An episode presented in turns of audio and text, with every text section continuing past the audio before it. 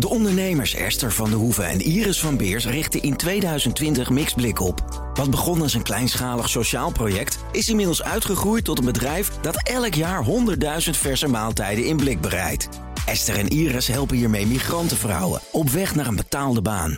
Maar welke inzichten helpen hen bij een gezonde groei van het bedrijf? Je leest het op partner.fd.nl slash exact. Exact. Uitzicht begint met inzicht. Festivalliefhebbers die kijken al weken uit naar dit weekend. Dan klinkt dit vanaf het podium in de Ziggo Dome.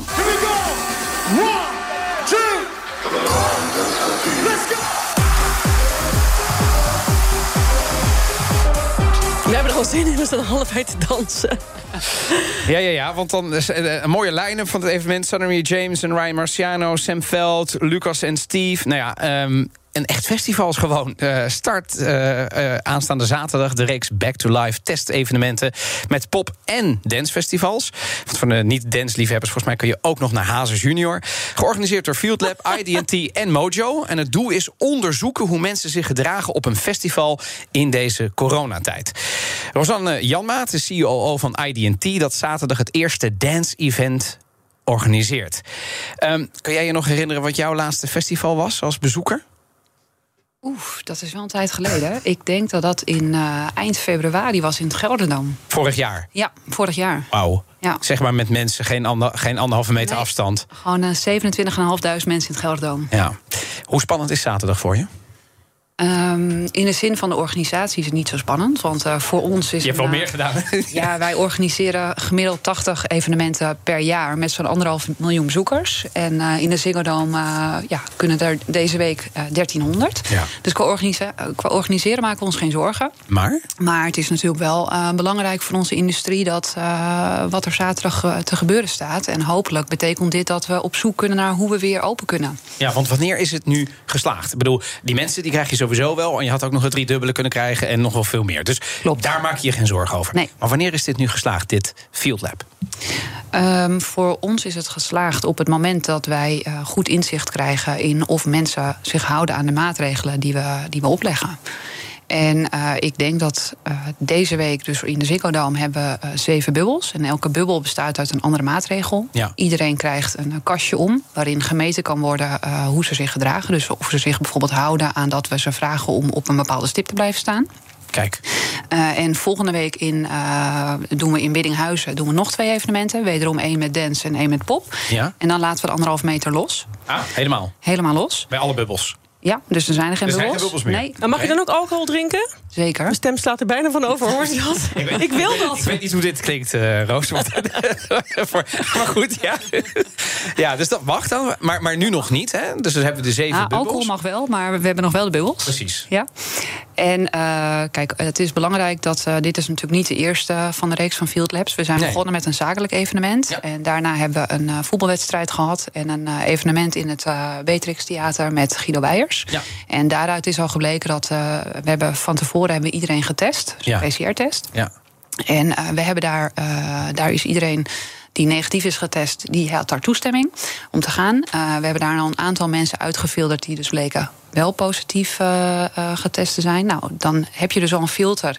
En dan weet je eigenlijk al dat op het moment dat je de deur ingaat... of zometeen uh, buiten de hekken doorloopt... dat je in een veilige omgeving komt... waarbij niemand besmet is met het virus. Ja, over dat evenement met Guido Weijers, ook een Field Lab evenement. Eén op de vijf mensen die liet zich na afloop en niet testen. Ja. Minister De Jonge had daar begin deze week wat kritiek op. Guido Weijers heeft daar vervolgens weer op uitgehaald. Hoe kijk jij daarna? Want jij, bedoel, jij bent onderdeel van dat evenement. Hoe... Zeker, ik ben er geweest. Ja. ik zat in de bubbel met ter plekke nog een keer een test. Dus ik ja. ben drie keer geweest. Uh -huh. uh, wij zijn eigenlijk zelf heel erg tevreden met die 80 procent. Want uh, vooraf is afgesproken, onder andere met het ministerie van Hugo de Jonge... dat een test achteraf niet verplicht was, maar dat het een vraag was aan de bezoekers. En dat, ja. was, dat is de reden omdat Field Labs is een gedragsonderzoek en geen medisch onderzoek.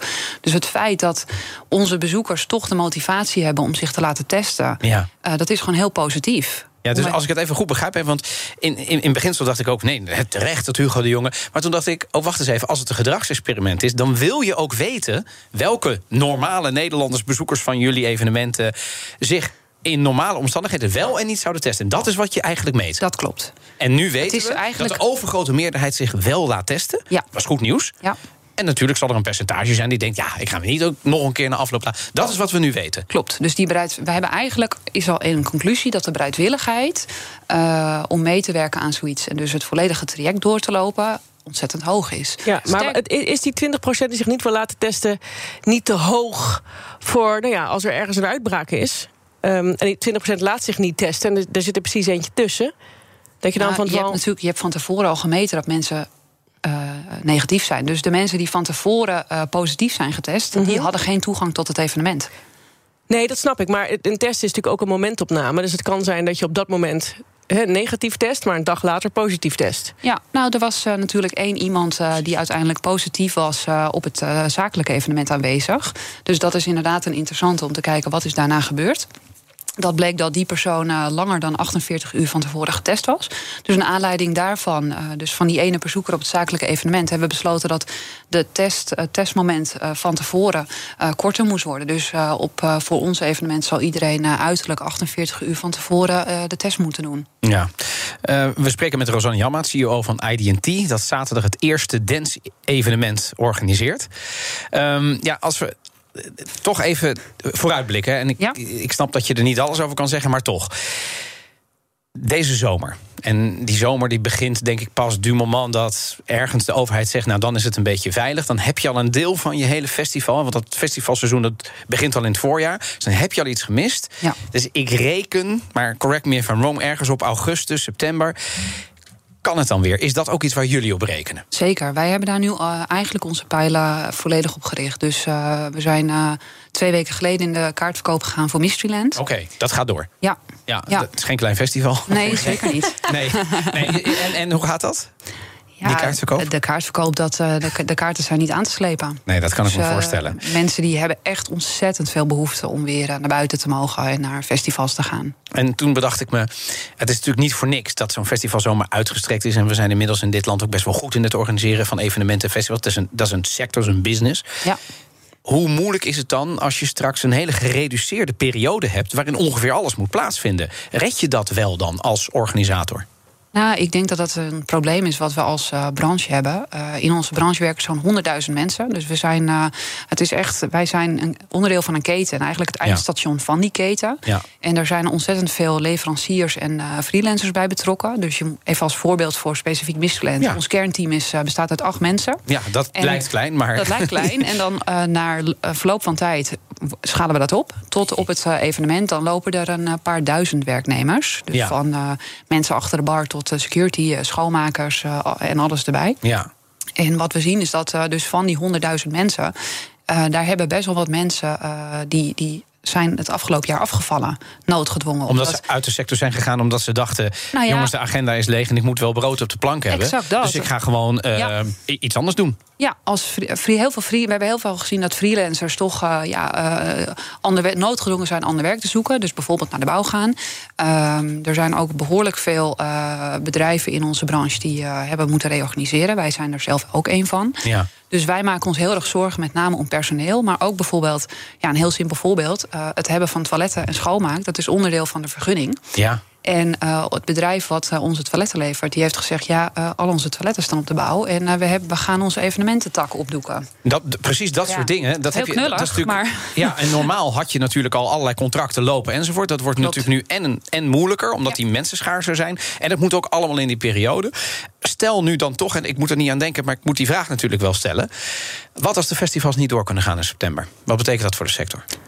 Ik denk dat dat voor de sector desastreus is. Wat zijn, betekent eh, desastreus? Nou, dat er heel veel partijen gaan omvallen. Ja, Ja. ja. Daar gaan we niet van uit. Ehm, hoe is het qua mensen? Staan de mensen nog in de rij voor dit soort festivals? Ik bedoel, je, je, weet iets. Normaal Ja. doe je een, een, een, een, een, een mailing uit en dan gebeurt er iets. Hoe is dat nu? Ja, dat is eh, bizar. Wij staan er zelf echt van te kijken. Als voorbeeldje, wij hebben een evenement dat heet eh, DEFCON. Dat is, eh, vindt plaats in juni. Dat hebben we helaas eh, al moeten besluiten om het te verplaatsen. En dan geven we onze ticketko- Het was uitverkocht. En dan vragen we, geven we onze ticketkopers de mogelijkheid om of hun kaart te houden of om een refund aan te vragen. En? Nou, van elke refund-aanvraag die we krijgen, en dat, zijn er, dat is 3% op totaal, daar hebben we drie mensen in de rij staan om dat kaartje over te nemen. Dus daar maak je je geen zorgen over. Nee. Dankjewel, Rosanne Janmaat, CEO van ID&T. En heel veel succes natuurlijk en plezier dit weekend. Komt en goed. dat bnr.nl slash topgast kun je meer van dit soort lange topgesprekken vinden.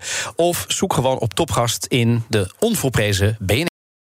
De ondernemers Esther van de Hoeven en Iris van Beers richten in 2020 Mixblik op. Wat begon als een kleinschalig sociaal project... is inmiddels uitgegroeid tot een bedrijf dat elk jaar 100.000 verse maaltijden in blik bereidt. Esther en Iris helpen hiermee migrantenvrouwen op weg naar een betaalde baan. Maar welke inzichten helpen hen bij een gezonde groei van het bedrijf? Je leest het op partner.fd.nl slash exact. Exact. Uitzicht begint met inzicht.